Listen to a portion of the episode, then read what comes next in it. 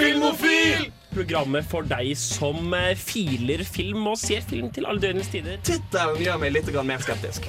Vi bare gir det 40 år nå, så spiller de en Schindlers liste med lykkelig slutt.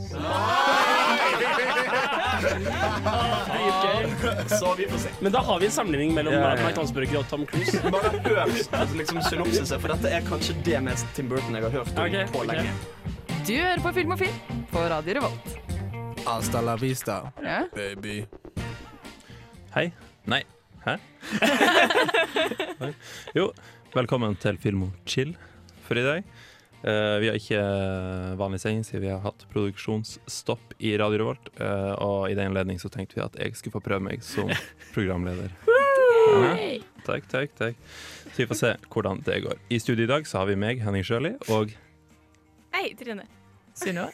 Og jeg heter August Mathisen. Jeg glemte å ta titlene deres, men det skal jeg jobbe med til neste gang. Vi uh, får se hva vi har i vente i dag. Det er det ingen som vet, egentlig. Vi har ingenting på planen, så det her kan bli spennende. Først skal vi høre, uh, Før vi snakker videre om Vi begynner kanskje med siden sist? Det blir noe greier det, i hvert fall. det, ja. Før vi gjør det, så skal vi høre Magnus Beckmann med 'Bruises'. Velkommen tilbake. Vi starta med siden sist, så hvem har lyst til å begynne? Jeg kan begynne. Okay. Jeg har sett litt uh, greier i det siste. Jeg har faktisk eh, klart å komme meg både en tur på kino og en tur på uh, Cinemateket. Shit. Ja. Uh, hvor jeg så uh, den Phantom Thread. Paul Thomas Andersons nyeste og etter sigende siste filmen til Daniel Day-Lewis. Og det var på kino, går jeg. Det var på kino. Den går fortsatt. Det er overraskende. Ja, det, Man skal ikke undervurdere Trondheim kino. Altså. Plutselig har de ting gående ganske lenge. I hvert fall for en eh, pjokk fra, fra Lillehammer så, som er vant til at liksom, det er to uker, og så er det ferdig. Så, Selv så om det er det. Dark Night, liksom, så er det 14 kvelder. Punktum. Ja, Eneste unntaket er, unntaket er Mamma Mia. Den oh, ja. gikk sånn et halvt år, tror jeg. Um, men, eh, men ellers no, Noe av typen Phantom Thread da, går liksom i, eh, i to uker, og så er den borte for alltid. Mens, eh, mens her så bare fortsetter, det å- fortsetter ting å gå helt eh, langt ut i eksamenstida. Men uh, i hvert fall det var en overraskende god film, altså. Jeg hadde ikke forventa at jeg skulle like den så godt. Jeg er jo på en måte ikke av Paul Thomas Andersons aller største fans. For uh, jeg syns den veldig distanserte stilen hans ofte gjør at jeg ikke blir helt revet med. Jeg syns jo for eksempel uh, There Will Be Blood er en litt overvurdert film, fordi jeg ikke føler så mye når jeg ser den. Mm. Men Phantom Thread traff meg, altså. Og det er jo ingen eh, Det er ingenting å utsette på filmskapingen hans. Altså. alt var liksom sånn perfekt, på et vis. Det var eh, eh, fantastisk musikk av Johnny Greenwood, gitaristen i Radiohead. Eh, ja, De har samarbeida flere ganger, men i hvert fall helt utrolig musikk. Kostymedesignet var jo eh, mildt sagt imponerende. Det var vel den ene Oscaren den fikk. Eh, filmen handler jo om en kostymedesigner. Mm. Eh, men også skuespillet. Daniel Day-Lewis er fantastisk som alltid. Og er, det, var, det var rett og slett en utrolig positiv filmopplevelse. Det var egentlig skuespilleren jeg skulle spørre om, for i Thomas Paul, Anderson, nei, Paul Thomas Anderson sin filmer så er det jo ofte karakterene som er sterkest. Ja, kanskje det er det jeg har sett, i hvert fall. There Will Be Blood og også uh, Punch Drunk Love. Synes jeg, det, det er de to filmene jeg kommer på med en gang, men alle de er, begge de er veldig kjent for karakterene sine. Ja, og eh, karakterene her er jo også gode. Mm. Det, men det var på en måte ikke det jeg satt igjen med, egentlig. Det jeg satt igjen med, med var uh, utrolig Utrolig mange pene bilder, rett og slett. Og jeg, liker, jeg er svak for pene bilder. Ja. Det er du. det er vi klar over. Men ja, drama er også bra, da. Ja. Det må sies. Du var på Cinemateket òg. Ja! Jeg fikk eh, tatt meg turen på en svensk stumfilm fra 1921.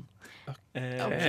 Som heter 'Kjørekarlen'. Men det var også en overraskende positiv filmopplevelse. Ja. Jeg hadde um, Det er en av Eller Joachim Trier snakker alltid veldig varmt om Kjørkaren.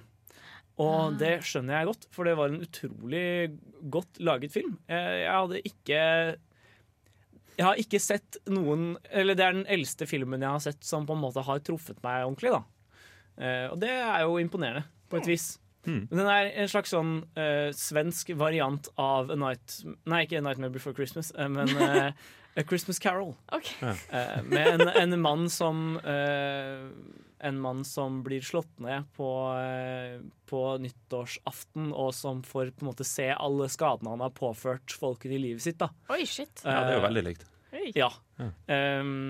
Og som eh, får en siste mulighet til, eh, til redemption, eller eh, hva er det de kaller det for? Tilgivelse. Ja.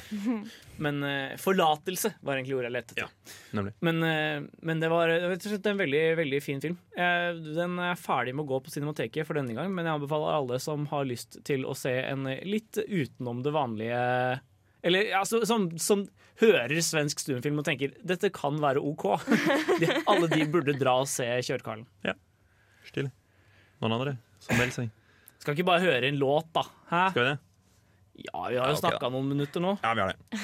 Greit nok. Vi skal høre The Beatles med Eight Days A Week. Velkommen tilbake til Filmfil. Vi snakker fortsatt om hva vi har sett siden sist. Og for dere observante som er sammen med meg i rommet, for de uh, som har veldig god hørsel, som hører på, så har jeg med meg sekken min. Oi! Og det her er litt uortodoks, Wow. det vet jeg, men Film og chill er film og chill.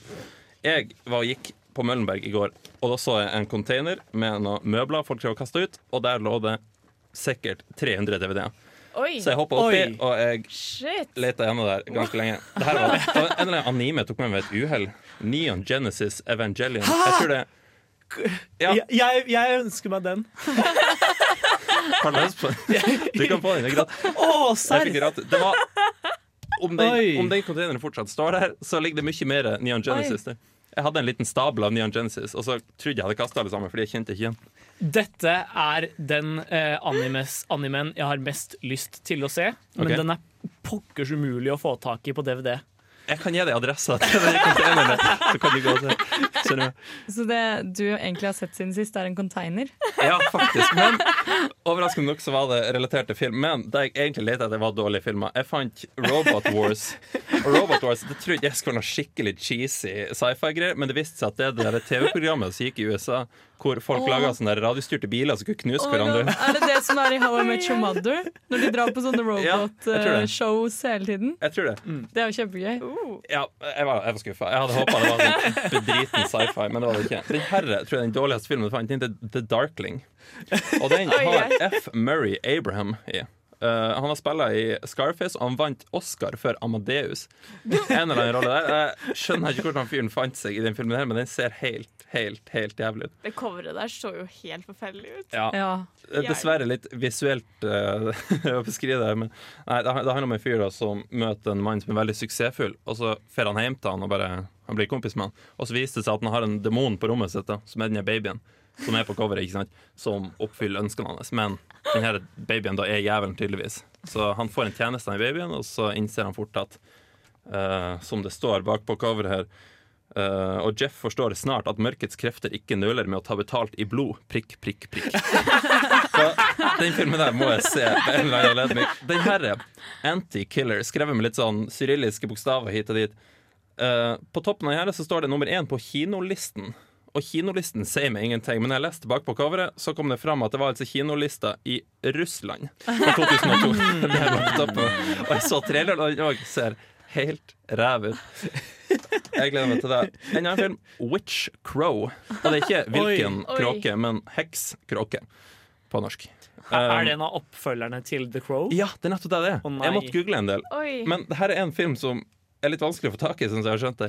Så det, det var det som var så rart med containeren. Jeg vet ikke hvem han fyren her var. Jeg så det var en fyr. Han gikk og kasta litt møbler mens jeg var der. Han har masse, masse anime og ordentlig, ordentlig dårlige filmer. Det eneste bra jeg fant Jeg kommer tilbake til det. Det her er enda en film. Uh, 'Prophecy of the Tiger'. Og det artigste med den her egentlig er, er fonten på fronten. Det går ikke an å beskrive, egentlig, men Coveret var jo helt fantastisk, da. ja. Det, det er fire asiater med, med Matrix-briller og dress og pistoler som peker mot kamera. Han ene har faktisk to pistoler. Vet du, hva, vet du hva jeg tror vi gjør? Vi tar bilde av dem, og så legger vi det ut på Instagram. Ja, det var en veldig god idé. synes jeg vi skal gjøre. Det var en veldig god idé. Men en siste ting jeg fant, som faktisk var verdt å ta vare på, den syns jeg faktisk August skal få. Fordi det her er Akira. Men det er ikke bare Akira, det er et bokssett. Og det inneholder to versjoner av filmen. I originale i 4.3 og øh, hva heter det, stereolyd. Og den uh, nye versjonen, hvis man kan si det. Som er en annen oppløsning av har 5.1-lyd. Tusen takk, Henning! Da kan du, eh, da kan du få min Akira-DVD kjøpt på platekompaniet, for den her var hakket kulere. Ja. Akira The Ultimate Collection. Wow. Det er denne julaften, jo. Ja, Filmofils faste lyttere vet jo at jeg er veldig veldig svak for Akira, og mener det er en av de beste filmene som er laget. Så eh, Og du er ikke alene om det. Det er veldig bra. for. Nei, den er, den er, det er solide greier. Ja. Men, eh, men ja, så det er et tips til våre lyttere òg, da, kanskje. Ja, hvis du ser en container det, var ikke en sånn grønn søppelcontainer med lokk, eller noe sånt. Det var sånn svær, svær åpen container du kan leie fra sånn søppelfirma ikke sant, for Mm. 5000, og så kommer de og henter den etterpå. Liksom. Det var, en sånn, så det var ikke motbydelig, liksom, men det, var, det lukta ikke godt. i hvert fall. Det, hadde vært så morsomt hvis han egentlig bare skulle flytta alt det der, og så blir det bare hm, Det mangler filmer her. Ja, ikke sant. Ja, hvor er Tiger? Prophecy of the Tiger. Favorittfilmen min.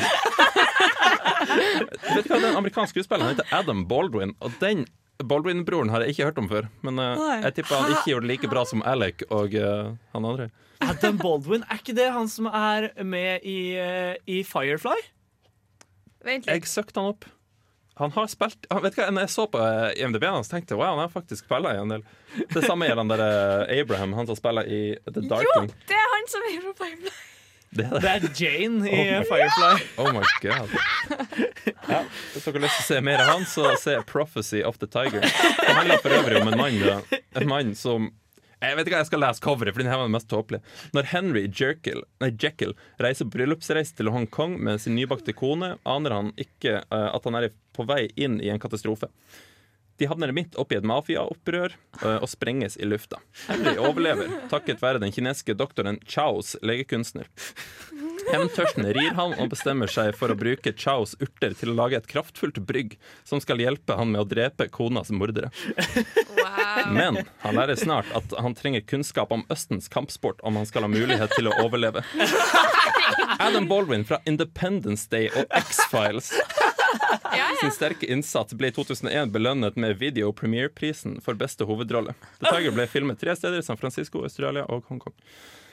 Altså, Hvordan kan man sprenges i lufta, men overleve? Ja, det var det jeg også tenkte. Jeg flirte litt med jeg leste første gang. Ja, det er helt ulogisk. Og det er ikke dermed sagt at kona overlevde heller. Det, var, det var mye som skurra med filmene. Alle de filmene, egentlig.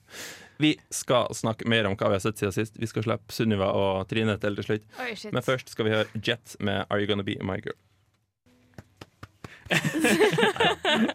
Velkommen tilbake til Filmofil Film og chill, unnskyld. Vi snakker fortsatt om hva vi har sett siden sist. Så nå er det Sunniva og Trine som står igjen.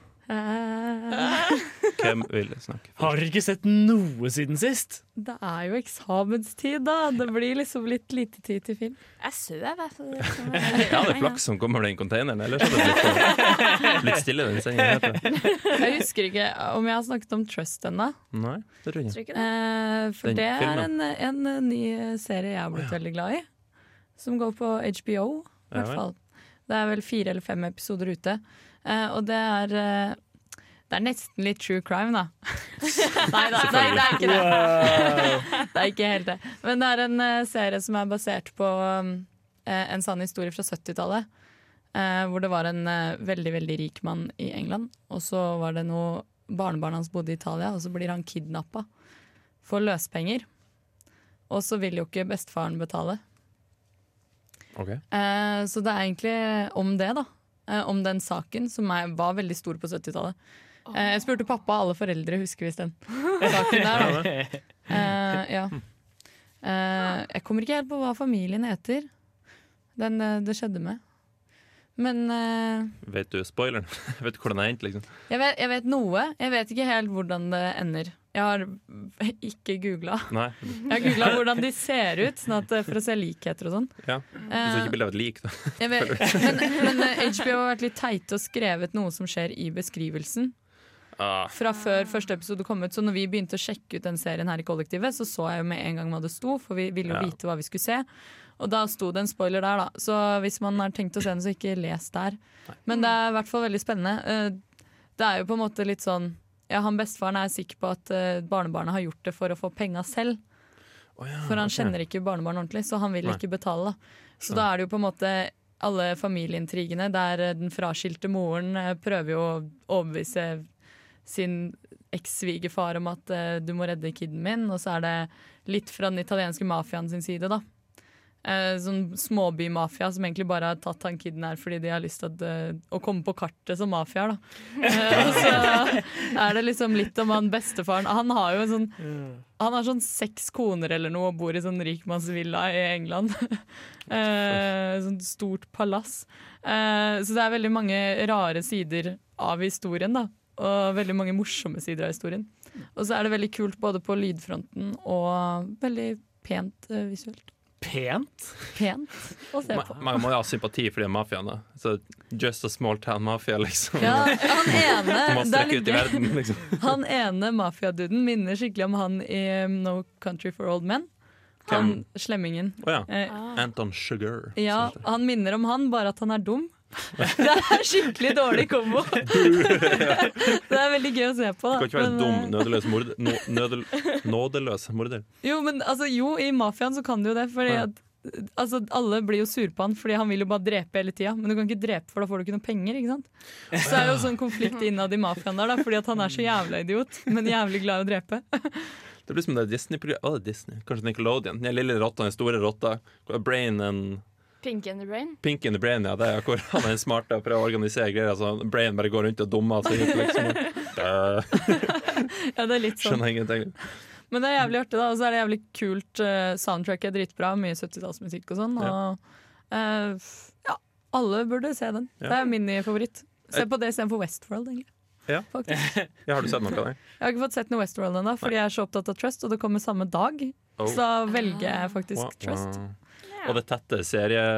Uh, hva heter det for noe? Planen din. Kalenderen din. Seriekalenderen. Seriekalenderen min. Det, har, Det er det er jo litt mindre for tida, da.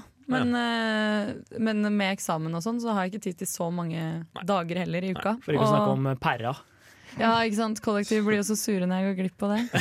Eh, Nei, det er jo litt gøy med pæra, da. Men, eh, men ja, så da er det faktisk Det er jo kvalitetsstempel at jeg velger det fremfor Westworld. Ja, det vet du. Men jeg vet ikke om det er så Jeg vet ikke om det gjør så mye skade at du vet utfallet. Når jeg så American Crime Story Alle vet jo noenlunde hva som skjer i slutten, liksom. Men Ja, jeg kan se for meg at det er veldig kjipt å få spoila hver, hver enkelt episode. Men ja, utover det så tror jeg resultatet er det samme. ja, Jeg vet ikke om han dør eller ikke, og sånn, liksom. Nei. Så det er jo spenning fortsatt.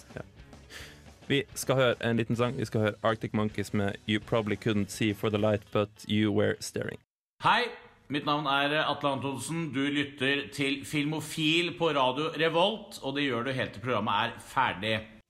Hallo, velkommen tilbake til Filmo Chill. Ikke Filmofil. Ja, nei. Vi prøvde å få Atle Antonsen å se det rett denne gangen, men skal kjefte litt på han etterpå, så kanskje han hører etter. Da kan hende at han banker deg igjen. Kanskje. Jeg tar den sjansen. Vi eh, Som sagt så har vi ikke planlagt den sendinga her, så vi la ikke til en jingle. Vi pleier å ha den her såkalte nyhetsjingle, Ja, men men det er ikke en vanlig filmofilsending, så vi har ikke nyhetsstikk. det er nettopp det. Men vi kan ta for oss litt nyheter før det er om. Det er litt nye filmer som kommer, blant annet eh, en ny Rambo-film. Og vet dere hvem som skal ha hovedrollen i den nye Rambo-filmen? Sylvester Stallone. Sylvester Stallone. Vet dere hvor gammel Sylvester Stallone er? Gammel nok. 71. Han er altfor gammel. er Min påstand. Han skal kanskje regissere den òg. Han har regissert to til fire, så det har kanskje ikke vært så rart. Og John Rambo, som er liksom den mellomste. Jeg vet, jeg vet. Og The Expendables, så vi vet litt hva vi forventer. For The Expendables er jo en skikkelig ræva film. Kan jeg bare få, kan jeg bare få si det? Ja, ja den, den er det. Jeg liker The Expendables for et par scener, som er bare så utrolig rå og brutale at jeg bare digger dem. Hvis, hvis du husker den filmen særlig godt med han uh, uh, Terry Cruise, hans karakter. Det er han store, han store svarte, han som spiller i uh, Everybody Hates Chris. Han spiller faren hans der. Jeg, jeg, jeg, jeg, vet ikke om jeg husker den karakteren. Nei, i hvert fall det, det Ja, jeg skal ikke skylde på deg for det, for de karakterene der kan byttes ut med hvem som helst, egentlig. Men uh, Terry Crews karakter da, han har en sånn automatisk hagle i den filmen der som Den kunne han sikkert skutt ned en, en rakett i lufta, liksom, altså, hvis, han, hvis, hvis han har gått inn for det.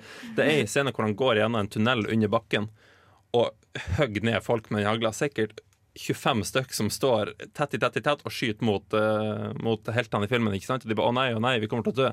Og plutselig høres det ut som Thor kommer ned fra himmelen. Liksom. Det, det er torden i de tunnelene. Liksom. Og da ser du bare Terry Cruise bare gå sånn uh, ja, på, på tvers av skjermen, liksom i andre sida av den tunnelen de er i, da, og hogge ned folk med hagle. Akkurat den scenen der syns jeg er så jævla teit at den ble kul, og derfor liker jeg Eller jeg liker ikke filmen, men den scenen der var kul. Eh, jeg leste en fun fact om uh, Sylvester Stallone Ok. uh, forleden. Eh, eh, og ja, det er litt gøy. Eh, fordi, som du sier, han er jo skikkelig gammel. Mm. Men han har fortsatt skilpaddene som var med i Rocky, Ja. som kjæledyr. Ja. Og de skilpaddene er sånn 44, tror jeg. Jeg mente å lese 41. 41 kanskje. Det var i hvert fall over 40 år gamle, da, er de skilpaddene. Og han, eh, ja, grunnen til at jeg kom over det, var egentlig fordi han hadde tatt en selfie med skilpaddene Ja. sine. da Setter veldig pris på de, ser det ut som. Eller man klarer jo ikke å se om han er glad, da, for han ser sur ut uansett. Men, mm. Han ser litt rar ut uansett, Ja. spør du meg. men det er veldig søtt da at han faktisk har skilpadder. Ja. Jeg har Ja. hatt de i 41 år. Tror du Tommy Wise fortsatt handler den butikken? You're my favorite customer. Å nei. Skal jeg bruke den plingen? der? Nei. Nei, Nei, Trine befaler. Jeg ikke. Jeg gjør ikke noe annet i sendinga enn å befale ting ennå. Det, det skal jeg gjøre. Denis Villeneuve. Vill- Villeneuve ja. uh, vi snakka om han for noen sendinger siden fordi uh, det var et eller annet med en Dune, jeg husker ikke hva jeg nevnte, men nå er i hvert fall scripten, nei, scriptene ferdig for Oh. begge filmene. Det skulle bli to filmer. Ja, det var vel det du snakka om sist gang, at det skulle bli to filmer Ja. i stedet for én. Nettopp. Ja, stemmer det. Og det som ble annonsert òg. Men nå er Ja. altså begge scriptene ferdig. Og de går inn i postproduksjon nå, eller veldig snart. Og det er Spennende. spennende, Her spennende. taket, spør meg. Det er veldig kult. Postproduksjon eller preproduksjon? Ja. Synes, eh, Postproduksjon. de hadde fått unna filminga ganske To dager, eller noe. det, her, De hadde tatt seg ut om du hadde fått ferdig en film så fort. ja. Da hadde jeg ikke sett den. Jeg har sett den for å se en film som ble gjort på to dager. Til og med The Room brukte vel lengre tid enn det. Ja, faktisk.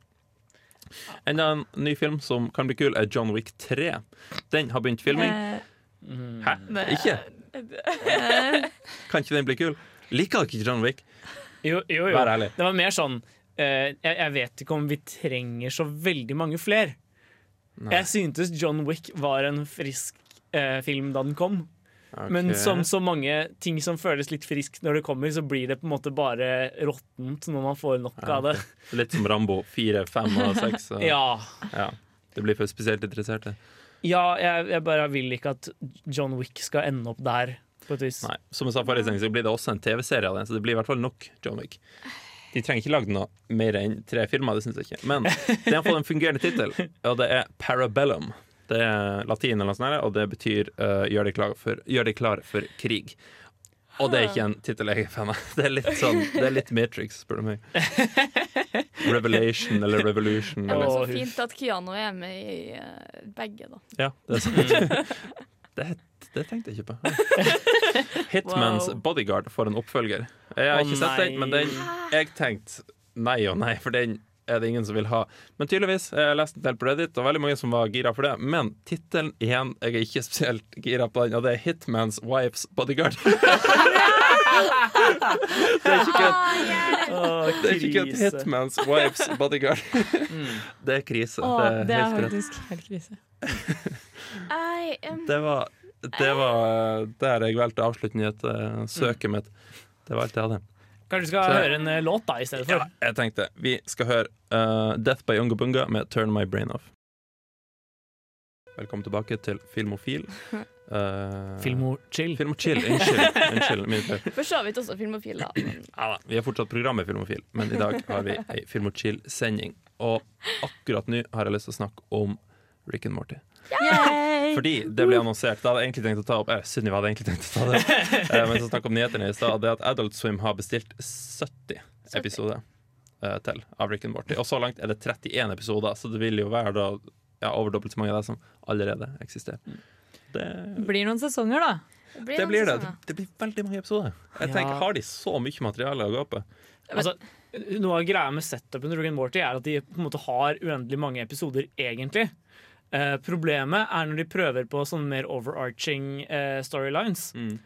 Du merk, jeg merka i hvert fall veldig godt det med i forhold til sesong to. da Overgangen til sesong to-tre At de liksom hadde prøvd seg på en overordna liksom, ark for Rick. Ja. Og første episoden av sesong tre ble bare sånn OK, vi prøvde på en greie, og nå må vi få rydda opp i hele den, sånn at vi kan gå tilbake til det vi har gjort i alle år etterpå. Um, og det Hva skal vi si? Hvis de skal fortsette å lage episoder så lenge, så håper jeg at de ikke har så mye av det, da. Og at episodene heller får stå litt på sine egne bein. Det er litt som Ja. South Park, egentlig. Ja, fordi jeg har ikke lyst til at det skal bli sånn The Simpsons. At det bare går og går og går og går, og Nei, det aldri endrer seg, på en måte. Nei. For ikke å snakke om Family Guy. ja, Ja, det, det kan ikke bli en sånn serie. Nei, det kan ikke det.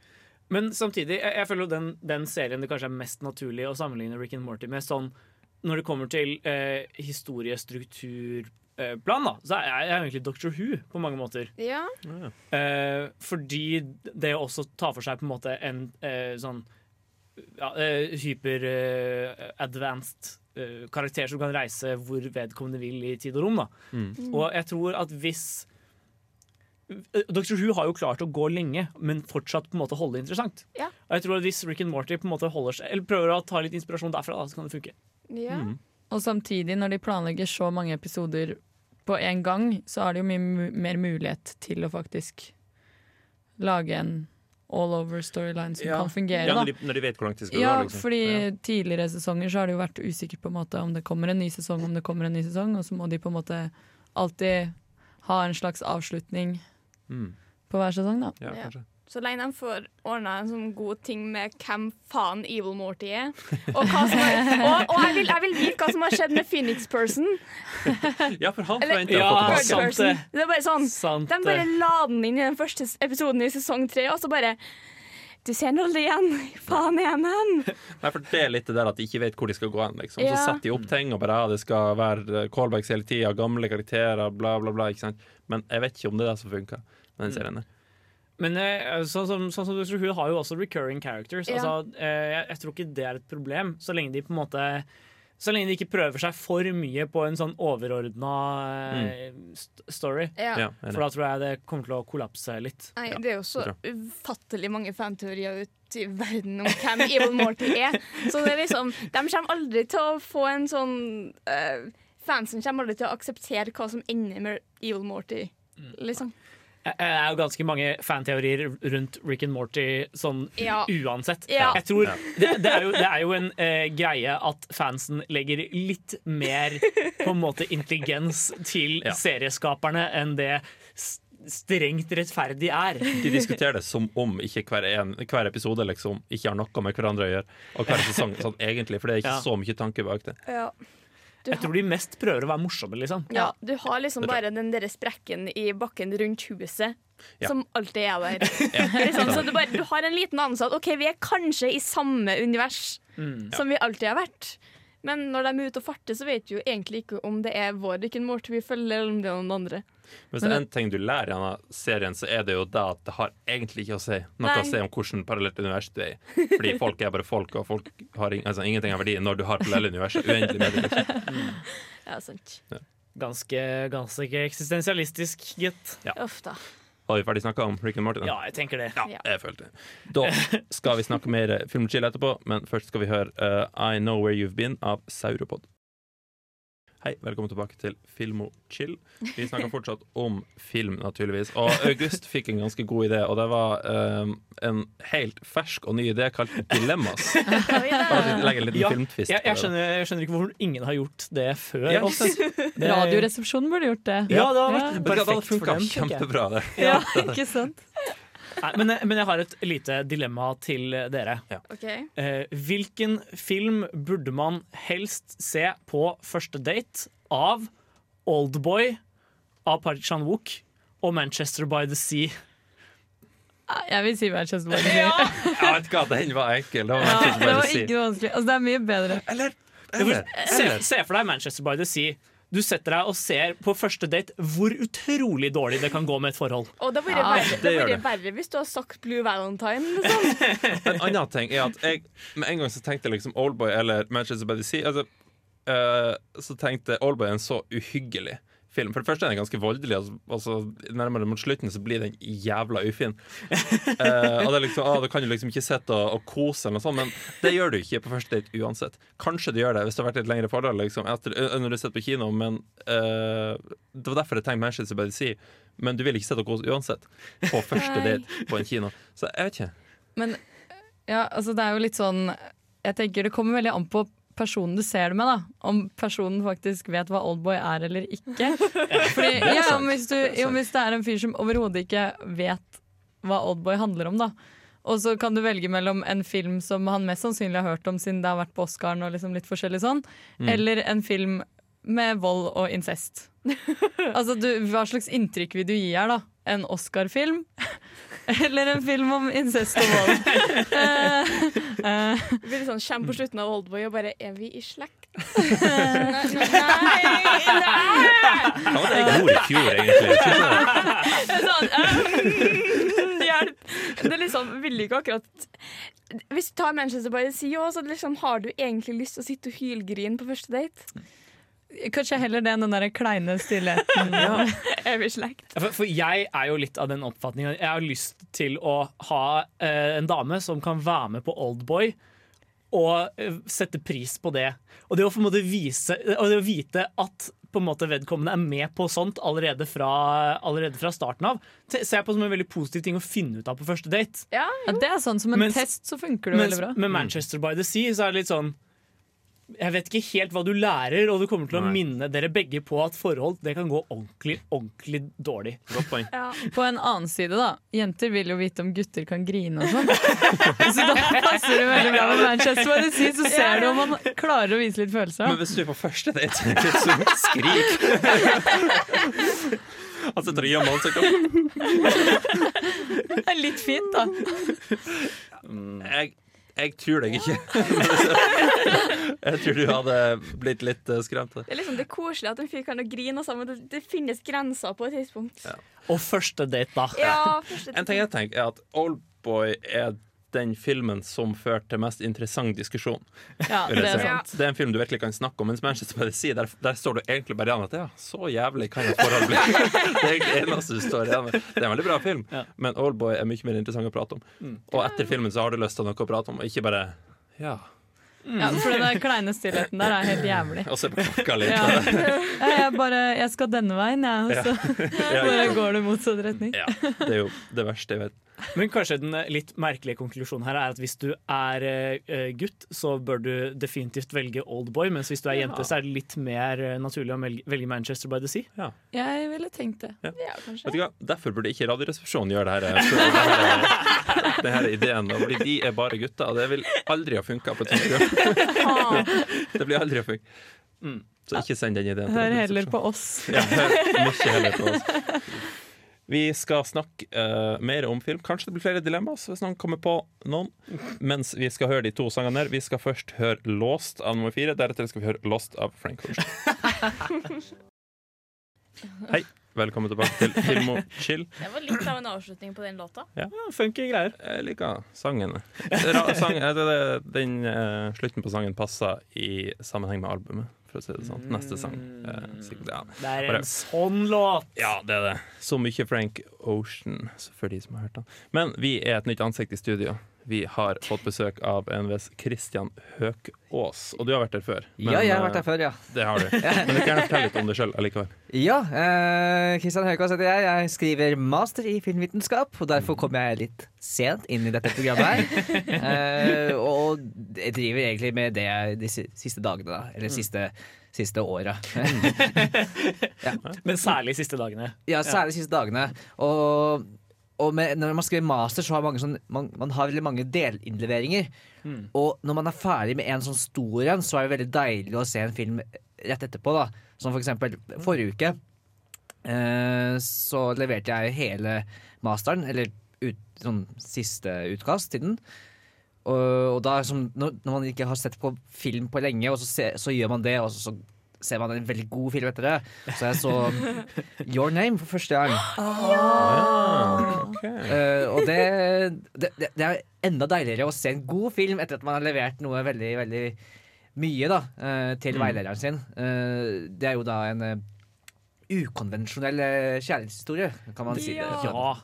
Ja. Den, eh, Your Name var jo på Filmofil sin topp ti-liste over fjorårets beste filmer, Ja. faktisk. Ganske høyt opp også. Jeg tror den kom på femteplass. Ja. Den må iallfall ganske høy på min egen liste. Ja. Men jeg anmeldte jo den filmen også, da, så Ja. det er jo ikke så rart. Nei, eh, den er i hvert fall en filmofilfavoritt. filmofil-favoritt. Mm. Ja, et spørsmål. Gleder du deg til JJ Abrams sin versjon?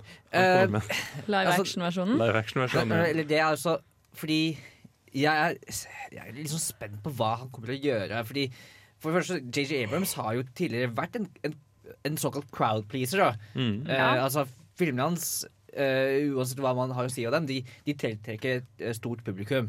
Mm. Ja. Så det kan hende han gjør det med den her, men jeg er sånn usikker på hva han kommer til å gjøre med det. Fordi den er jo så grunnet i japansk kultur, da. Så øh, å sette det inn i amerikansk vet, Jeg vet ikke helt hva, han kommer til å gjøre med det. Altså. Jeg, jeg er på en måte ikke i tvil om at eh, JJ kommer til å lage en god film. Men jeg, Mm. jeg mistenker at det kanskje, den kanskje kommer til å miste ganske mye av essensen av Mm. det som var på en måte Your Name da, i sin, i sin anime-innpakning. Ja. Men det kan jo fortsatt funke, for Star Trek, der gjorde han en del. Ja, men- Eh, men jeg, jeg ser for Det meg Det er jo to sett veldig forskjellige. Så Ja, det- jeg har kauka nok om live action. Your name, og det, mm. Det, var nettopp det, det det jeg skulle si. Jeg står på dette lag, tror jeg. Trine, Og det er at uh, Jeg tror ikke JJ Abrams sine Star Trek-filmer var noe lik den serien som var uh, Men de funka fortsatt. Ja, ja, men det er bare akkurat Star Trek populær. og Your Name er litt Nei, nei, nei, nei jeg ser ikke. Jeg ser ikke det. Jeg ser bare JJ Abrams sin historikk, liksom, at han tar etablerte ting Ja. og lager noe nytt. Og samme med Star Wars, egentlig. Hvis han drar til Japan Mm. og finner japanske skuespillere, Mm. og prøver liksom å rote ordentlig i Japan og ikke lage en amerikansk versjon av det, som jeg lurer på om jeg har lest at han skal gjøre, Amerikansk.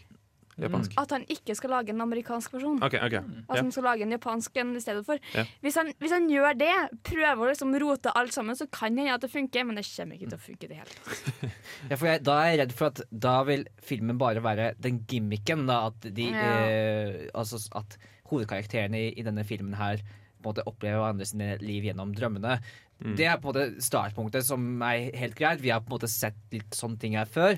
Ja. Men det som- Friday. Ja, ikke sant? Mm. Jeg, jeg regner med at det er sikkert det som blir startpunktet i denne remaken. da Men det Your Name gjør uh, så veldig vidunderlig, er på en måte hvordan den utvikler det her videre inn mot uh, kulturen. da Og, Ja. og det, hele dette Hele utviklingen da i, de, i den historien mellom de to karakterene gjør den så fersk og så egentlig magisk, da. Ja.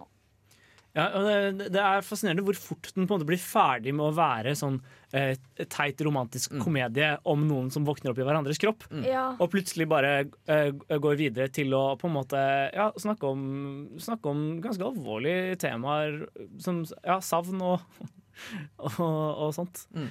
Men, ja, vi får håpe han får til noe greit, i hvert fall. Jeg tror ikke han Jeg tror den kommer til å funke uansett hva han gjør, men det blir ikke nødvendigvis uh, å ligne originalen. De som er fans av liksom originalen, som vil ha det originalt, kommer ikke til å være så fornøyd. Jeg kommer ikke til å være fornøyd. Nei.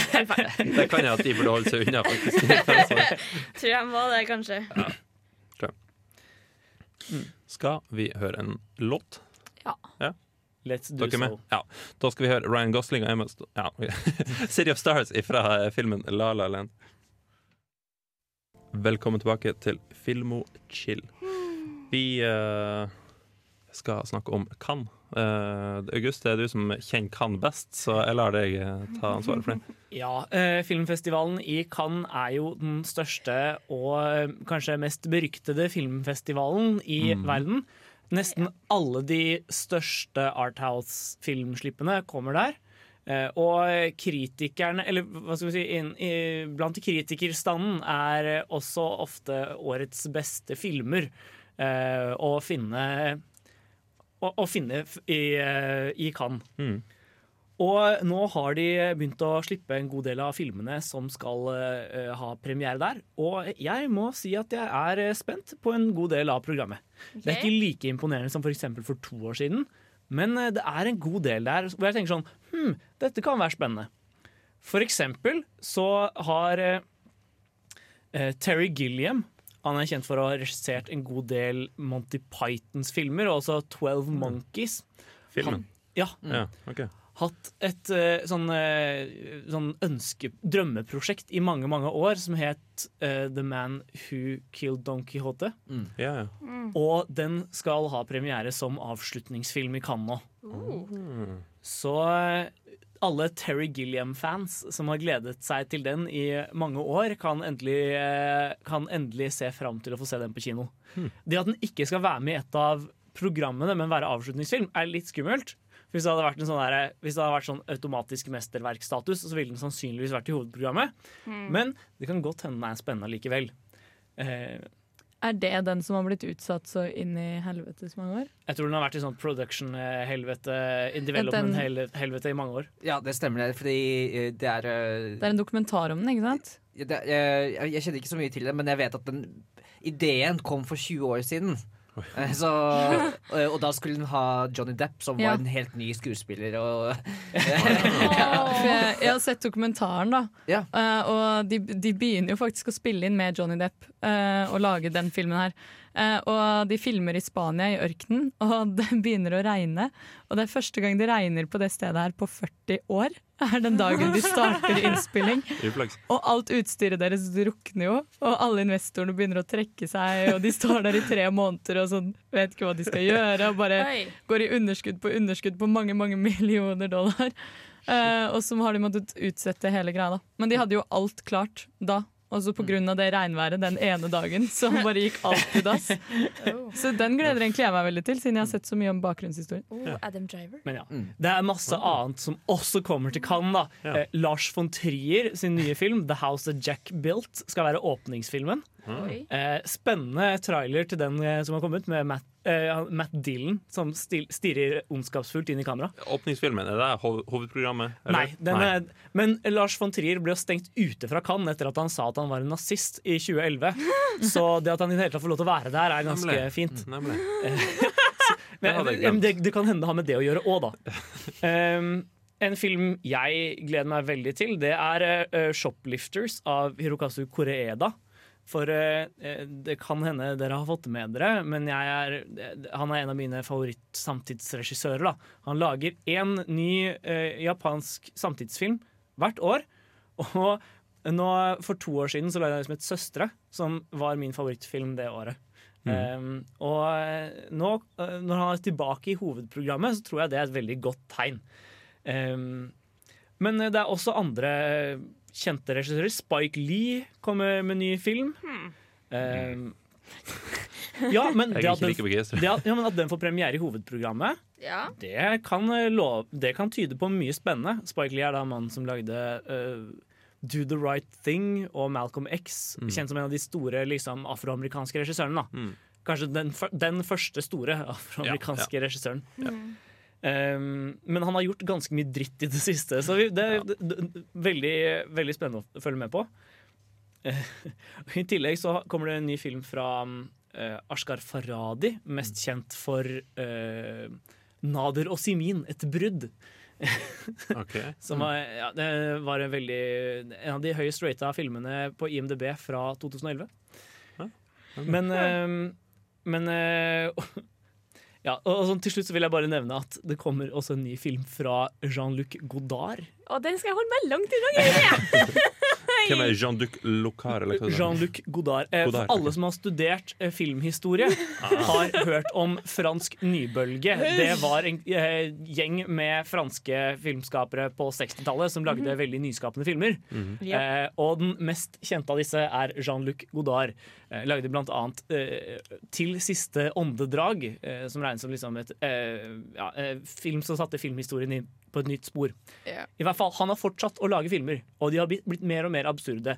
Eh, Han lagde nylig 'Farvel til Goodbye to Language', eller noe sånt, som var en sånn tre timer langt 3D-epos eller lignende. Ja, for i, i den filmen så skal han visst Jeg har ikke sett den, da, men han skal visst på en måte eh, egentlig bare eksperimentere med 3D og ha sånn derre OK, men hva om jeg gjør at bakgrunnen er den som er frampå? Eh, og, og når man ser i 3D, og så hva, hva skjer med øynene våre da? Eh, så veldig, veldig mye eh, eksperimentering, da. Så det, det, jeg vet at de, de siste filmene hans, da, i hvert fall de eh, siste 10-20 årene, har vært veldig sånn eh, ja, omdiskuterte, da. Herregud, jeg husker at jeg så liksom dere Pierre Lefou og bare Nope, nope, nope. nope. Og hvis han hadde gått gærnere fra der, så tror jeg jeg bare holder meg fint unna den Men hvor gammel var han, sa du? Nei, han, han lagde sin første film i 1960. Okay, så han er Så Han er hvert født i 1930. Ifølge Wikipedia, i alle fall. Begynner å, begynner å bli opp i åra. Ja, det, Eh, men er fortsatt representert i hovedkonkurransen i Cannes. Ja. Så det blir en spennende utgave. det får vi håpe. Med det så skal vi høre et par låter. Vi skal høre Top 8 med Who Is She. Eh, nei, unnskyld. Nei. 8 av Is Etterfulgt av Passion Fruit av Drake. Hei, velkommen tilbake til Filmofil. Wow. Film og chill, unnskyld. Det var brå slutt. Ja, sant, jeg kom veldig fort på en veldig, en veldig treg slutt. Nei, uh, vi snakka om Dune tidligere i den sendinga her, og det er ei veldig kjent bok av en forfatter jeg ikke husker navnet på. Eh, og når jeg hørte det her for tredje-fjerde gang jeg komme filmen, så tenkte jeg den boka burde jeg lese nå. Fordi jeg begynte på den på ungdomsskolen, og sånn, men det var ikke helt i grep med. Det er en ganske tung bok. Men da fikk jeg råd fra noen at nei, du burde faktisk ikke lese boka først. Etter erfaringer fra andre folk. da, Så tydeligvis sånn Game of Thrones, Lord of the Rings, alt sånt der, så er uh, Så er filmen liksom en sånn begrensning, da. På en måte, ikke sant? Da, da snevrer du inn hele historien, mens boka da får du hele historien. Ikke sant? Så egentlig burde du lese den innsnevra, eller få med den innsnevra versjonen i form av film først, og så lese boka, som er liksom utvida. Hvis ikke så blir liksom filmen en letdown, da, Ja, har jeg, jeg hørt. jeg husker jo det at uh, jeg har lest Jeg har begynt å lese Eller lest hele Hunger Games-bokserien før filmene kom. Jeg husker jo hvor skuffa jeg var at det var enkelte ting som ikke var med i filmen, som jeg gjerne skulle ha sett. Liksom. Ja. Så du, du blir litt du, Det får litt sånn letdown. nettopp. Men, eller, for jeg tenker, altså, Det kommer jo veldig an på hvilken bok det gjelder. da Et helt Ja. halvt år så syns jeg du kan se filmen uten å lese boka. ja. Sånne type bøker da Men uh, samtidig så syns jeg ofte det er veldig deilig å ha lest boka først hvis det er veldig ja, svære historier, da som Game of Thrones for eksempel. Der hadde jeg ikke lest boka først. Men jeg tror jeg hadde klart å henge mer med i serien hvis jeg hadde gjort det da på Game of Thrones. For jeg har lest boka i ettertid. Ja. Og det er så mye mer interessant å se filmen nå enn jeg har lest boka. Ja. Og litt det samme med, har jeg opplevd med mange andre filmer der jeg har lest bøkene først. da, Mye Ken Follett og sånne ting. Hvor jeg føler at jeg henger mye mye mer med i filmen fordi jeg veit lite grann. Okay. Det hadde blitt mer forvirrende uten, da, Ja, okay. Ja. på et vis. Jeg har ofte opplevd at det å se filmen først og så lese boka, i hvert fall hvis det er sånn ikke veldig triviell eh, litteratur, kan være litt heavy. Rett og slett fordi, i hvert fall for min del, så blir jeg bare sittende og vente på alle scenene som, Ja. som kommer i boka, som jeg Ja. meg til. Mm. jeg husker for eksempel jeg så The Great, Bas The Great Gatsby av Baz Luhrmann og tenkte denne boka burde jeg egentlig lese i stedet for. Og så gjorde jeg det, men da satt jeg på en måte med og da- satt jeg egentlig bare og venta på at alle scenene jeg litt skulle komme. Det samme skjedde litt med Lolita. Mm. Eh, og og særlig hvis på en måte Særlig hvis det er litt begrenset kildemateriale, sånn at det meste er med i filmen, Ja. eh, eller er med i en filmatisering, så er det veldig greit å på en måte lese boka først, tror jeg. Så man slipper den å, å sitte og føle at man på en måte må gjenfordøye akkurat det samme. På Lolita så syns jeg det var veldig deilig å ha lest boka først. Det var det er veldig passende. Det er jo ikke sånn at det er Altså, Du er jo interessert i å se hvordan de har valgt å gjøre det med filmen uansett. Det er mye mer interessant den veien enn å lese, nei, se filmen og så skulle sitte og lese tekst som beskriver akkurat det samme. Ja. I motsetning til hvis du leser den teksten først og lager dine egne bilder, og så ser hvordan noen har valgt å lage det etter sine egne bilder. da. Mm. Det er en veldig mye mer spennende transformasjon den veien. Ja, for jeg er egentlig mye enig i det, August, når det gjelder eh, Særlig når det er begrenset kildemateriale. For eksempel Curious Case of Benjamin Button eller uh, Where the Wild Things Are. Korte bøker som får utbroderinger i film. Da. Men, men jeg, jeg syns dette her egentlig er litt for stort for et emne. Det er så mange faktorer som har Ja. å spille her.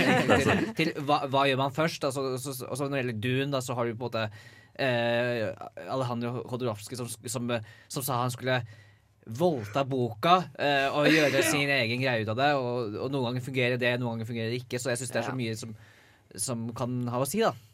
Skal se, så Alejandro sin versjon var jo helt ræv. Jeg har ikke sett det, men hørt at det var en skikkelig flopp. Den kom på 70-tallet, tror jeg. Og så prøvd Kunne også prøvde etter det? Uh.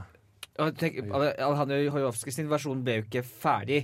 Det, det, det var det. eh, Stemmer. det, det, var, Det det var var storyboards. og ting, da. Altså David Lynch. eh, Ja, David Lunch, ja. Stemmer. Han jo- ferdig. Var det. Eh, men, David, men Hodorowski hadde masse ganske sprø ideer da eh, som skulle være med. Som ja, hadde vært veldig veldig rart. Og den eh, er vel ansett for å være kanskje eh, både en dårlig adaptasjon av Dune og kanskje David Lynchs dårligste film.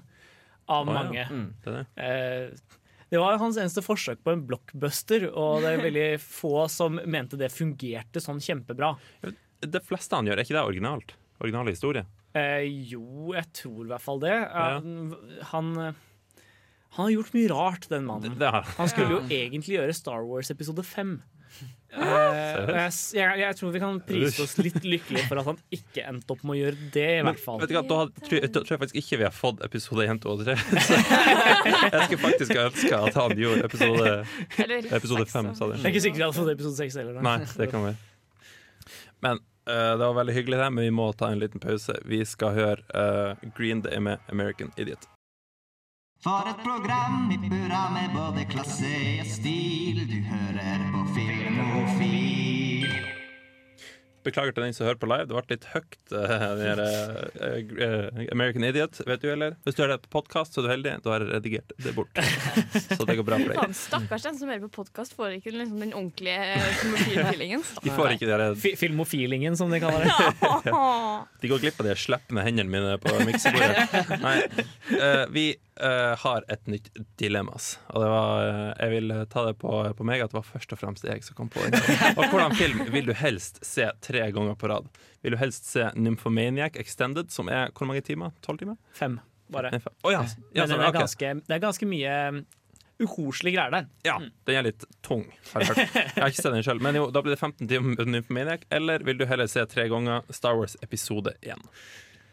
Og jeg- jeg vil innlede med at uh, i Nymphomaniac det er en del tunge scener. Ikke sant? Da lærer du etter første gangen hvor du skal holde for øynene. Ikke sant? Mens, Ja, men du får ikke lov til det hvis du skal se den. Nei, du er nødt poenget til å mitt, se poenget mitt var hvert du kan sitte der med øynene. Nei. Men Nei, poenget mitt hvert fall var at det blir veldig på. vanskelig før episode 1, for du må sitte med hendene foran øynene hele filmen. Og det blir veldig veldig Ja, kjedelig. Tror jeg. Episode én er ikke akkurat den verste av Star Wars-prequelsene. Hvis det hadde vært episode to, derimot, så tror jeg, så det er verre? Ja, Ja. mye verre. Seriøst? Ja. Oi. Ja. Jeg ville sett Star Wars episode én Ja. tre ganger. Det, ja, kiden Kidden er i hvert fall Ja, søt å se på. Sånn, da. Han er ikke søt. Men hvis eh, spørsmålet går videre med at eh, da får jeg aldri se eh, Nymphomaniac Extended Edition noensinne igjen, hvis jeg velger episode én. Da blir det mye verre, fordi Ja. jeg, har sett, jeg har sett den originale Ny- Nymphomaniac på kino, og jeg syns det var veldig, en veldig god film. Eh, Det er en veldig, det er en veldig voldsom film, men jeg er interessert i å se den extended-versjonen. Men kanskje ikke tre ganger på rad, men da har det litt vanskelig dilemma her. Altså. Ja, For jeg har jo Jeg tror kanskje jeg er den eneste som har sett Nymphomaniac Extended Edition. Nei, jeg har sett den. Du har sett Eller, men, eller Mm. jeg har måttet pause noen ganger. For uh, vi så den i ett strekk. Ah, ok. Eller nei, nei, vi hadde en liten pause midtveis eh, for å hjelpe en dame å bære en vaskemaskin. Men uh, det var en kort pause. Det var bare opp og ned i kjelleren. Men i hvert fall eh, Det var i forbindelse med et Lars von Trier-maraton hvor vi så hele depresjonstrilogien i ett strekk. Så jeg, jeg, har prøvd, jeg har prøvd litt den derre ti timer med Trier. Det var eh, Jeg har aldri eh, hatt så stort behov for noen å ligge i fosterstilling med som jeg hadde etter Yes. etter den tripperen der. Det var liksom eh, Extended edition av Nymphomaniac etterfulgt av Melankolia, etterfulgt av Antichrist. Ja. det skulle gå og legge seg etter det. Det var, okay. det var, det var, det var deprimerende greier. Men eh, jeg tror faktisk nesten heller jeg ville valgt det enn den eh, totale og dørgende kjedsomheten som er å se episode én tre ganger på rad, for det er en så kjedelig film. Men- Nymphomaniac er det i hvert fall Der er det ting å oppdage alle tre gangene jeg ser den. Nettopp. Mm. Jeg er enig der, men samtidig, med Star Wars episode 1, så kan du jo faktisk gjøre det litt gøy. Da. Du kan ha noen morsomme drikkeleker. Nei, ikke, ikke gjør det. Nei, du kan ikke på det. Nei, nei, du, du må kunne se filmen. Gangen du ser, Nei, kan nei, nei, du skal sitte der med sånn der apparat som man har i Clockwork Orange, som holder øya dine oppe. nei, det var Mens du får sånn øyedråper. Det var ikke en sånn 'ikke gjør det på den måten'. Bare 'ikke ha drikkelek til den', for du kommer til å ligge død på gulvet for den tredje gangen du ser det. Jeg det har, da slipper du unna tredje gangen. Da. jeg har liksom hatt drikkelek til den, og det liksom, vi fant ut at vi ble veldig full. Jeg husker ikke toeren eller treeren lenger. Liksom. Du kan jo ha drikke til Nymphomaniac òg, da. Hvis du har lyst til å bli ordentlig, ordentlig deprimert. Kanskje Liksom. du ender opp med å ta livet ditt. Da Da. blir det veldig vanskelig å bære vaskemaskina mi til filmen. veldig kjipt å snuble ned trappa. Eller opp. ja. Ja. Det var faktisk en veldig merkelig opplevelse. Å sitte og se på Ja, Nymphomaniac, og så plutselig ringer det en dame på døra og spør sånn Hei, kan dere hjelpe meg å bære vaskemaskinen fra kjelleren? Da var det litt godhet i alt det fæle. Ja, Ja. sant det. Eh, men, eh, men eh, nei, jeg ville, jeg ville gått for uh, Nymphomaniac, i hvert fall. Jeg tror faktisk det, jeg òg, for jeg har sett 15 timer! Hallo! ja, ja, Ja. det er et vanskelig valg, men ja, faktisk. For jeg, jeg har sett episode 1 i hvert fall et par ganger allerede.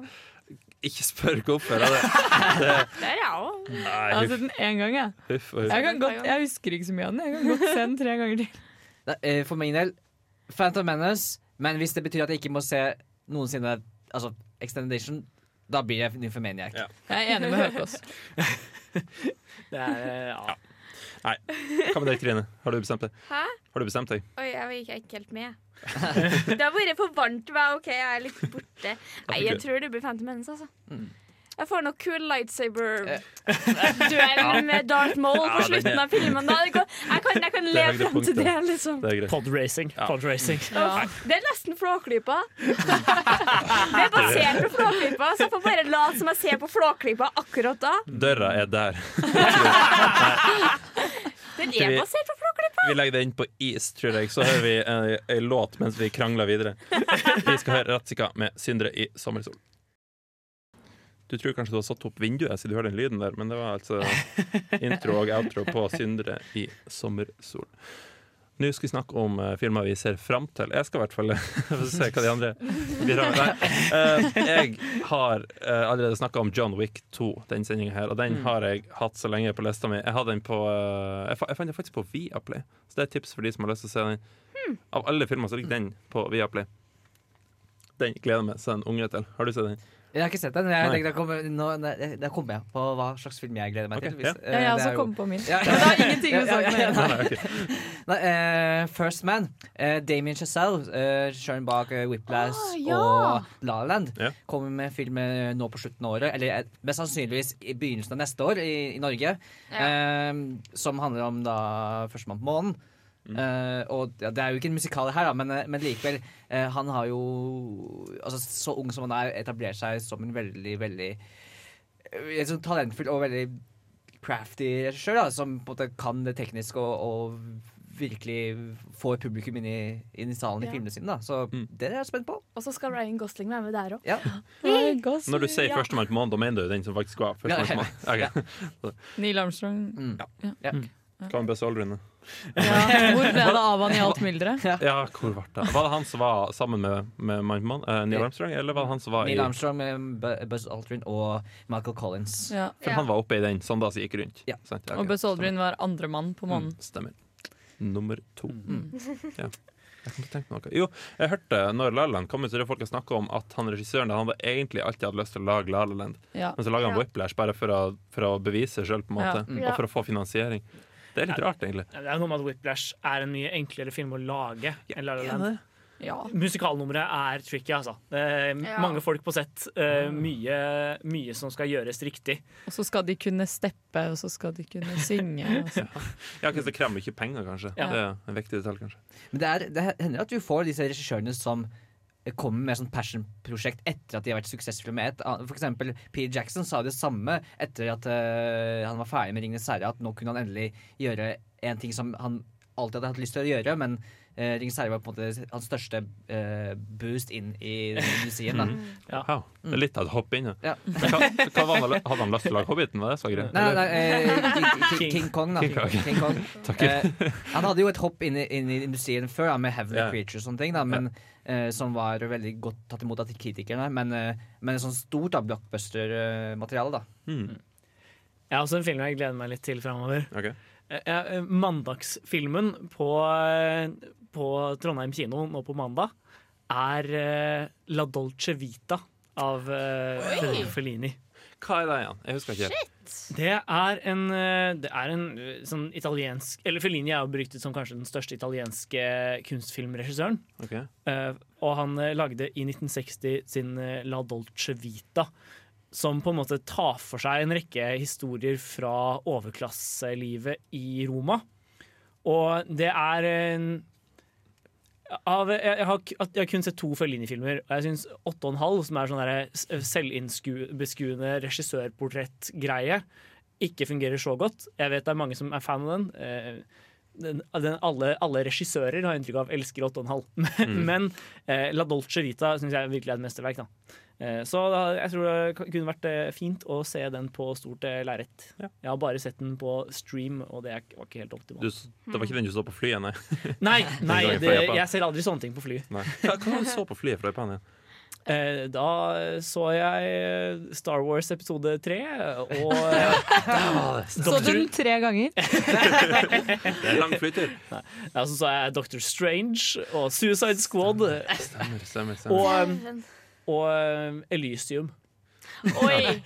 Så det, liksom, det høres ut som det er bare Dr. Strange som var liksom, kanskje greit nok å få med seg. Hadde du lyst til å gå bort til den der eh, nødutgangsdøra og trekke ned spaken? og bli sugd ut i intet, liksom? Eh, Vet du hva? Jeg, vet hva? Jeg, jeg slår et slag for Elysium, altså. Jeg syns den filmen var mye bedre enn folk skal ha det til. Slår Chappie med god margin. Det kan godt være, men jeg syns dialekta til han der eh, søramerikan- er så utrolig distraherende. Jeg vet ikke om, jeg vet ikke om dere husker den, men den, var, den tok den så ut. For det hørtes ut som han kødda. Liksom. Han skulle være en så, eh, så eh, slem og badass karakter, liksom. Og så, var det, så snakka han som en Jeg vet ikke, som en full pirat, liksom. Men, så, Kan jeg og Trine si hva vi gleder oss til? ja, gjør det. Jeg hørte kviskringer. Hva, hva var det for noe? Mamma mia, here we go again. Når vi snakker om dårlige titler. Altså. Ja, men, altså, ja, men altså, etter at eh, vi fant ut at Meryl Streep i hvert fall skal være med Hun er med. Hun, hun virker veldig død. Nei, men hun, de, har, de, har sagt, de har gått ut og sagt Meryl Streep er ikke død i filmen. Okay. Hun er fullt levende. Og etter det så gleder jeg meg. Nei, de har jo gått ut med det selv. Det er ikke jeg som har sagt det. det er, Hun gjemmer sikkert på en øy på slutten av filmen. Så sier ingen replikker. Nei, men, Castaway, eh, liksom. ja, ja. Eh, bold prediction, som jeg sier her på radioen, men eh, som jeg står fast ved. Mamma Mia, Hero Go Again eh, kommer til å eh, eh, få større publikums eh, Eller større kinotall enn Infinity War i Norge. Wow! Ok, tror jeg er eh, enig. eh, Nei, den gikk jo tross alt et halvår for Lillehammer, den forrige. Ja. Fordi uh, siden 1997 så er det kun tre filmer som har fått over én million eh, besøkende. Uh, Ringens herre, Atle Konge fikk 9,9 eller 990 et eller annet, da, men som ja. Så egentlig er det tre stykker. Det er Titanic, det er Max Manus, og det er Mamma Mia. Ja, altså, Mamma Mia var den Manus en million. Mamma Mia fikk flere besøkende i 2008 enn The Dark Knight i Norge. Wow. Jeg, jeg, helt, jeg tror jeg også. Jeg gleder meg. Huff og huff. 20. juli, dere. Da skjer det.